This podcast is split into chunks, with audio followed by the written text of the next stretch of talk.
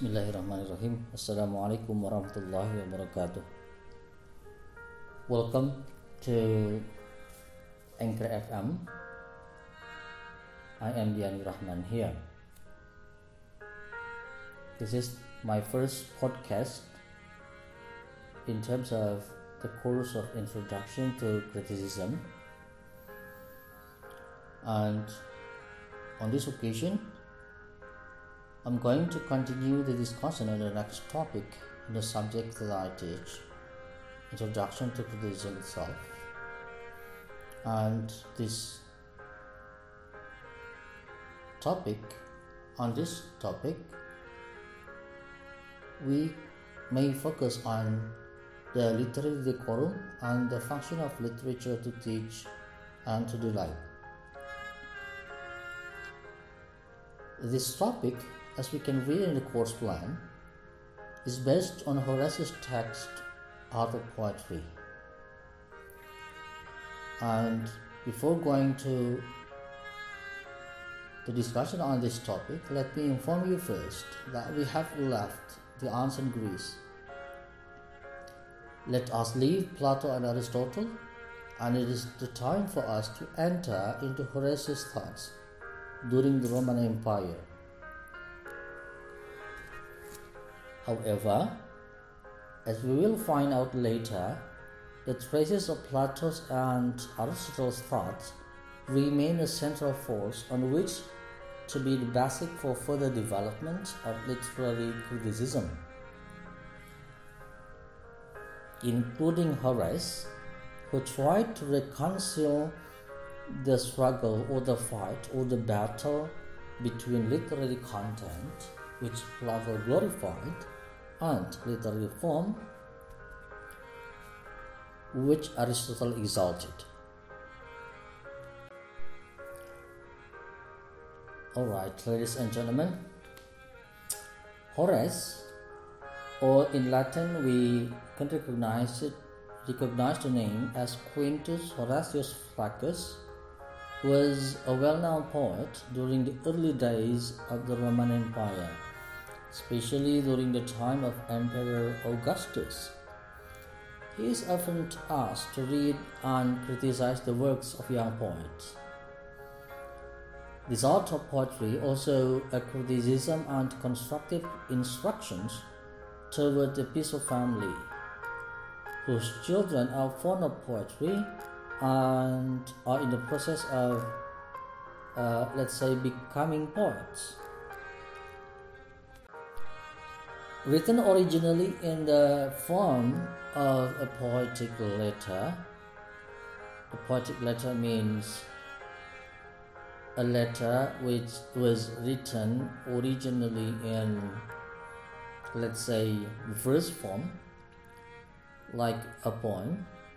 So, Art of Poetry successfully echoed Horace's name to become a poet as well as a great critic of his time. Well, ladies and gentlemen, uh, you have to know that the text that we discuss here, which is available in my book, is a, a translated version from the Latin or the Roman language which was later adapted into prose so that it can be understood more easily.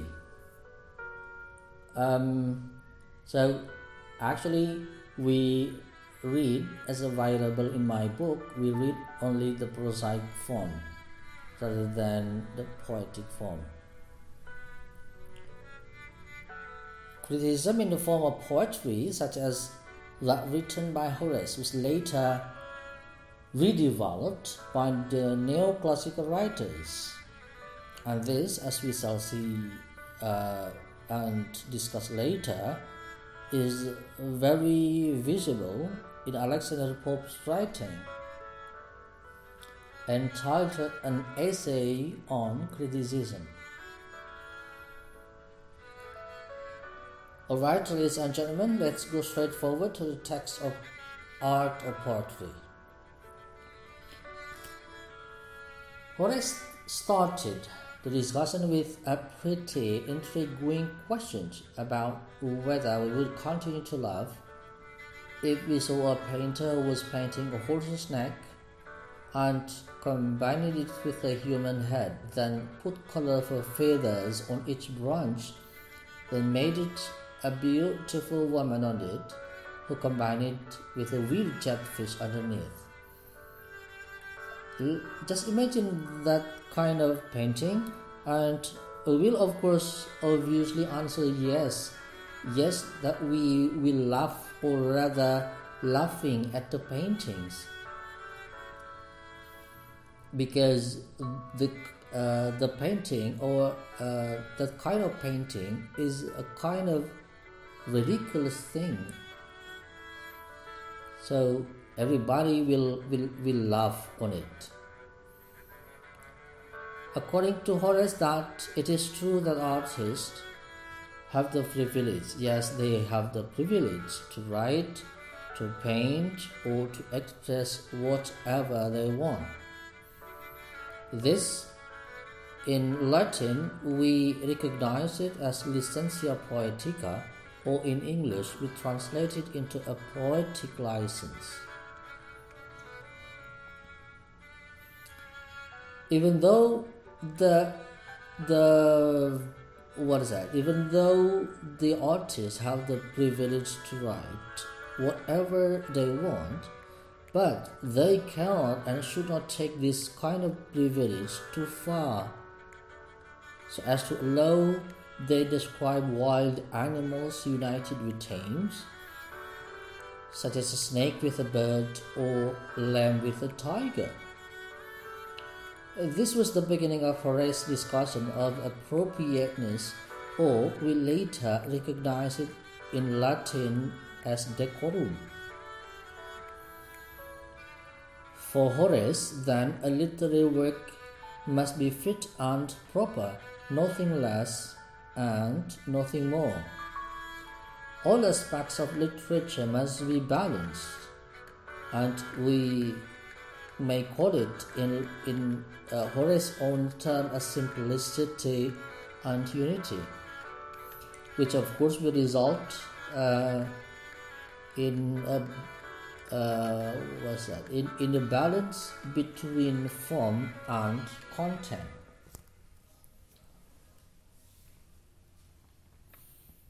Therefore according to horace the privilege of freedom of expression in art or literature should meet as a standard that every poet and aspiring poet must follow uh, basically, um, Horace didn't explicitly state this kind of standard.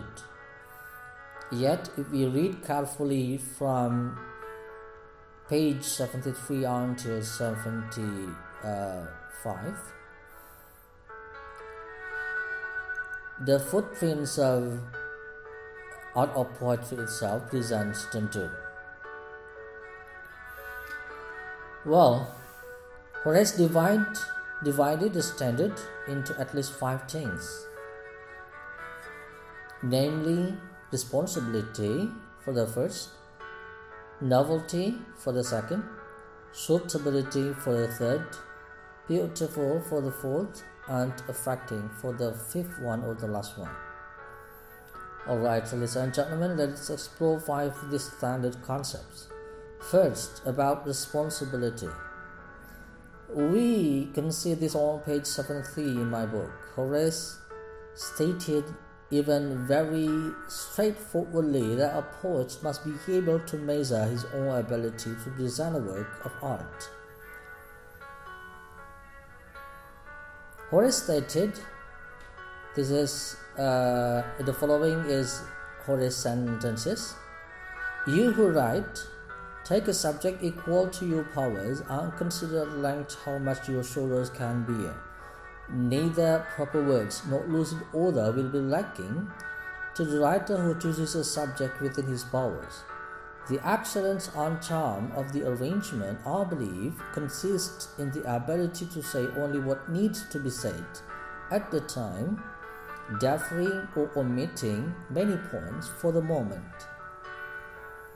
That was Horace's own sentence on page 73 in my book. So, Horace's statement above, or um, yeah, Horace's statement, as I have as I have read previously or just now, clearly shows the concept of responsibility. This is the concept that a good poet is he who can measure his own abilities. By saying that it's enough to write what needs to be written, then this means that the good literary work uh, is a work that um, can be explained back to others why he wrote these things, why he wrote those things. This is um, a, a, kind of form of responsibility from a poet to his work as well as to the readership as a whole. So that was the concept of the first standard, namely responsibility. Now we may move to the second one. This is about novelty. Still on page 73 and continued on page 74, we may see this concept as a continuation of, uh, let's say, Aristotle's concept of mimesis as recreation. Um, uh, Aristotle, uh, we, we may go uh, uh, throw back at first. Aristotle stated that literature can describe reality to be more alive. And Horace now captures this concept. I mean, uh, I mean, Horace captures this concept well by saying the following on page 73. In addition to using taste and care in arranging words, you will express yourself most effectively if you give novelty to a familiar word by means of a skillful setting. That was on page 73. And now I read on page 74. All mortal things shall perish, still as the currency and charm of words always endure. Many words that have lapsed in use will be reborn, and many now in high repute will die. If custom wills it, within whose power lie in the judgment, rule, and standard speech. From the above statement, from the the statement that I have read just now, we can see that Horace wants a kind of novelty in the use of language. This novelty certainly includes all syntactic and semantic structures. Therefore, the new meanings created are not cliche, are not monotonous, and can make the picture of reality become newer and more alive. We are in an age that is certainly different from the previous ones and will definitely uh, be different from the age of the words. Therefore, if we wish to use old and new diction, we must also pay attention to what the standard of speech from our time so that we don't lose the meaning then uh, can fit the context. Well, ladies and gentlemen, at the end of the explanation, I think I would like to reveal an example of this novelty concept through a few lines uh, from one Indonesian poem. Alright, now I think uh, we can go now to the next uh, standard, namely suitability. We may read this on page 74 and 75 in my book. Alright, if the concept of novelty emphasizes the compatibility of, uh, let's say, the compatibility of uh, language with uh, the times, with the ages, then the concept of suitability is meant here about how the language used by the poet matches the genre chosen for writing.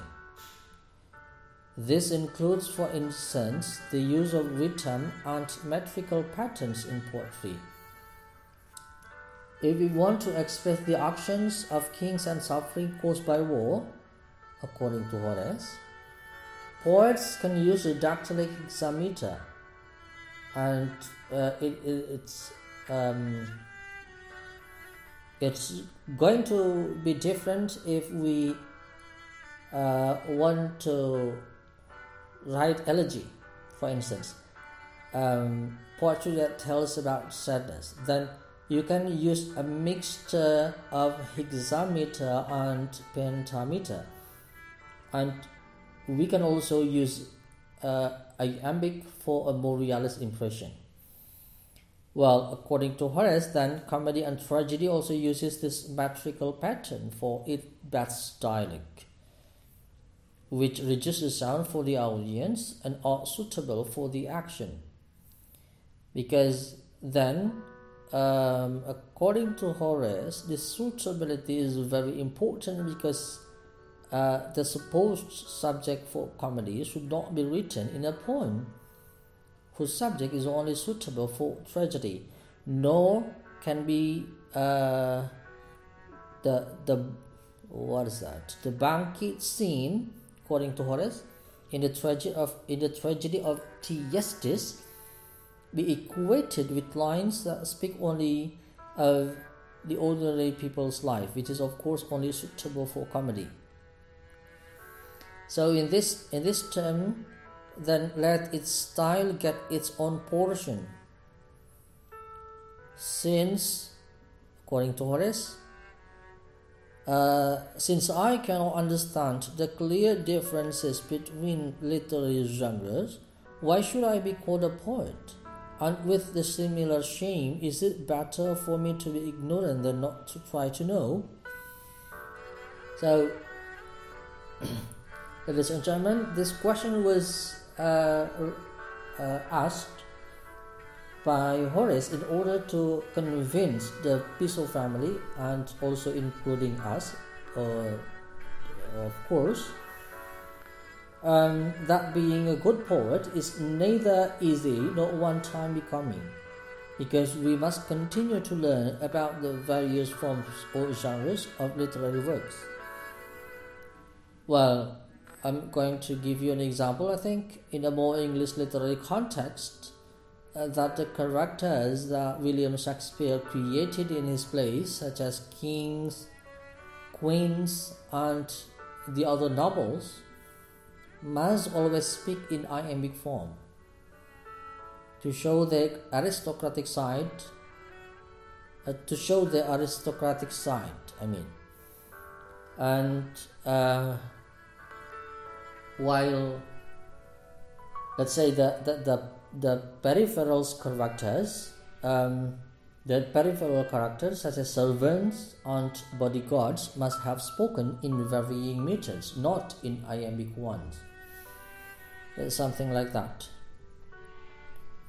That was the suitability. And now let's move on, ladies and gentlemen. We come now to the fourth and fifth standards at the same time because uh, you have to know that these two standards are a unified and inseparable concept. On page 74 in my book, we may read it as a whole, and this is a direct response to Aristotle's concept of the consistency of the character displayed or shown in his dialects. According to Horace, a beautiful language construction is not enough for a poem but also must be able to arouse feelings or emotions as desired by the reader. Poets, um, let's say, uh, must be able to create the characters that are presented in a play or um, literary work in general as convincingly as possible. If we want our readers to cry, then we ask that then we, I mean, as uh, as poets, uh, must feel the sadness at first. If it's not like that, the characters we create, the characters the poet create, will not be able to arouse or stir up the emotions of the readers, will not be able to arouse or stir up our emotions as the readers. You know, the words according to Horace must be precise. As sad words are appropriate for a suffering face. Rage is suitable only for those who are angry. Jokes are uh, for, for joy, and the serious words are suitable for solemn, like ceremonies, and so on. The point is then, uh, in, in my uh, point of view, that whether we want to follow tradition or want to create something new, we must remain consistent with this principle. Uh, this is about beautiful and affecting itself.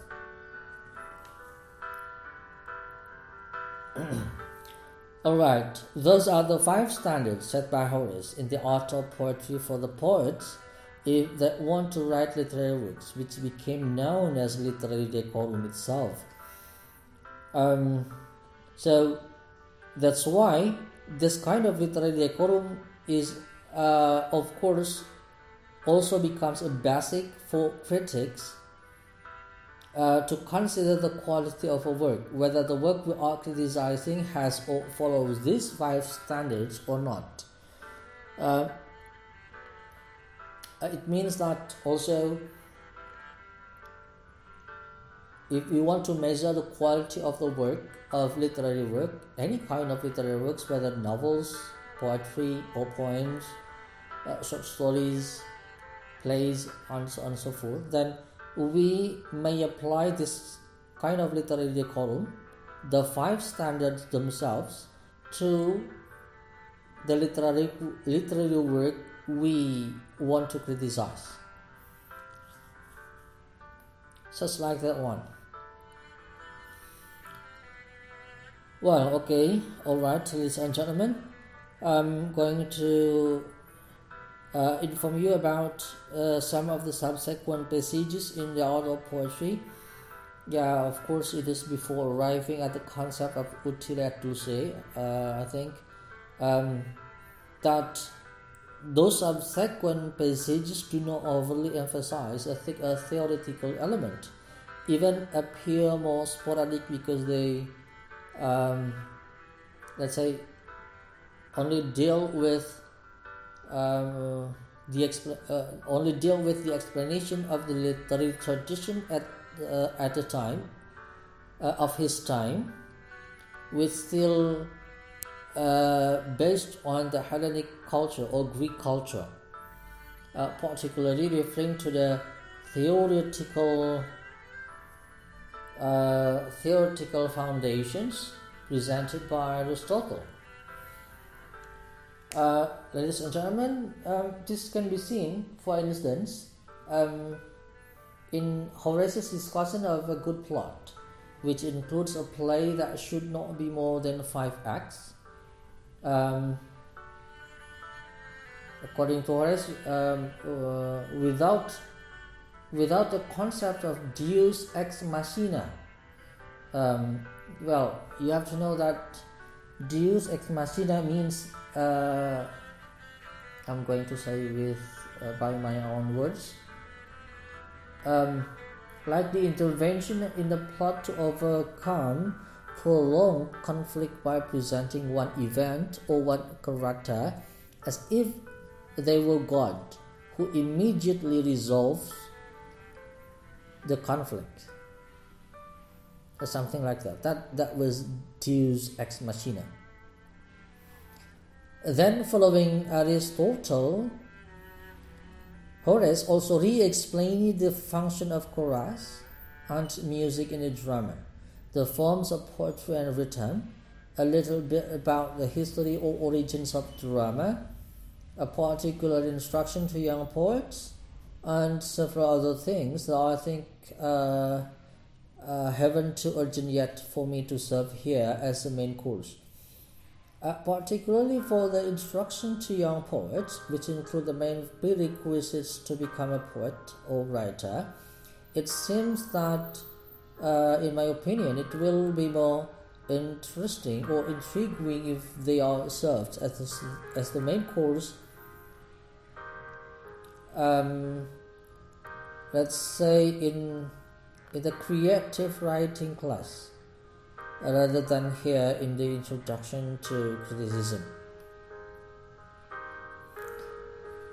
Alright, ladies and gentlemen, let's move and let's continue to the discussion now, uh, which is actually a continuation of, uh, let's say, the principle of literary decorum that uh, that I have that I have uh, explained it previously a literary decorum which consists of the five standards. Uh, Alright, so um, this is now about the concept of literary function. According to Horace, then, as we can read on page 81 until 82 in my book, there are two purposes for poets or writers to write literary works. Um, the first one is to provide us with the instructions or learning, um, which can be called as to inform or to teach. And the second one is to give us pleasure or to delight, or combine it, the two together in a work. So this is um yeah this is what Horace himself termed in the famous Latin phrase utile et dulce. Yeah, the utile itself means um, um, useful, literally, literally means useful and dulce literally literally I mean means um, sweet. So utile dulce means in English useful and sweet to teach and to delight something like that. Alright, I'm going to uh, again and again make a summary for um, for the for this one? Well um, in providing learning or moral values for example horace emphasizes the poet to be brief so that the readers can catch the message quickly and master it correctly why is it like that? Uh, because you know complicated nonsense and uh, let's say the excessive words um, for, uh, for only to for only in um, uh, like this one I'm, I'm going to uh, simplify this a complicated or nonsense anti-excessive words uh, only for explaining certain moral values then will be useless. Because the human brain our brain is tired of these things. Or in other words um, in bahasa Indonesia I think um, we may say uh, what masuk dari telinga kiri keluar dari telinga kanan atau masuk dari telinga kanan keluar dari telinga kiri ya. There's something like that. So um, literary work you know literary works are not scriptures. Literary works are not bible. Literary works are not the holy quran and so on and so forth. So uh, literary work then um, in this kind of concept must be closer to our daily reality. This what we uh, call it a verisimilitude in the in Aristotle's concept. And, and we as poets do not need to burden readers with the same beliefs that we have. This was expressed by Horace, considering that the socio-cultural context of his time revolved around the contradiction of literary form and content, or the fight again and again between literary form and literary content. Old people in Rome at the time strongly denounced poetry, which was weak in learning, weak with moral, moral values and the wisdom of life, while the youth actually rejected and scorned poetry which was strict with them. So, according to Horace, it is uh, it is pre- precisely what can combine the usefulness and enjoyment sides that will become the winner in the hearts of the readers. And uh, Horace continue, books like that later can make money for publishers and are being read by readers around the world so as to be able to spread the fame of the author. And this is the peaceful effort made by Horace that with this utile dulce principle, Horace is considered successful in reconciling the battle between teacher and students, between Plato and Aristotle, where the teacher prioritizes literary content and ignores form, while the student, Aristotle himself, uh, prioritize literary form rather than content. And here also the concept of high literature or literary canon becomes to appear. In the context of the combination of utile et dulce, we are really invited to measure the quality of a good literary work.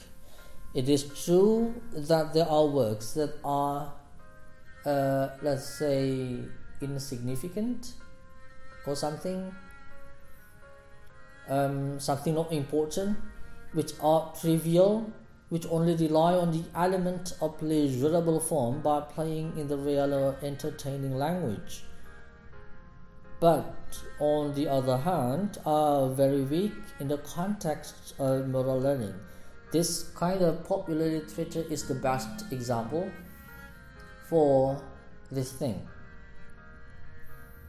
And it is true as well that there are also serious works of writers who tend to focus their works on literary content by even including verses from the scriptures, but weak in the, uh, let's say, um, in the in the element of pleasurable form which can um, entertain the reader. So, again, according to Horace, what's good is is a work that can combine the two together in one work. There are benefits, wisdom, value that we can get, and at the same time, we are also entertained. Our emotions are toned when we, let's say, read uh, the literary work, and so on and so forth. Yeah, uh, you know, the pleasure here is the pleasure of form, the pleasure of structure, even in the tiniest ways, such as we are pleased when we read a poem that uses an uh, in, an interesting uh, an interesting and rhyming pattern.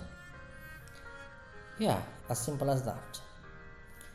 So that was, I think, um, the, the concept of a literary function, which can be a kind of supporting uh, theoretical element for literary decorum as I have previously explained it. So now, as I promised you earlier, I'd love to give you an example of novelty in Bahasa Indonesia. And let's uh, hear my my reading on two lines taken from Acep Zamzam Nur's poem entitled Pastoral.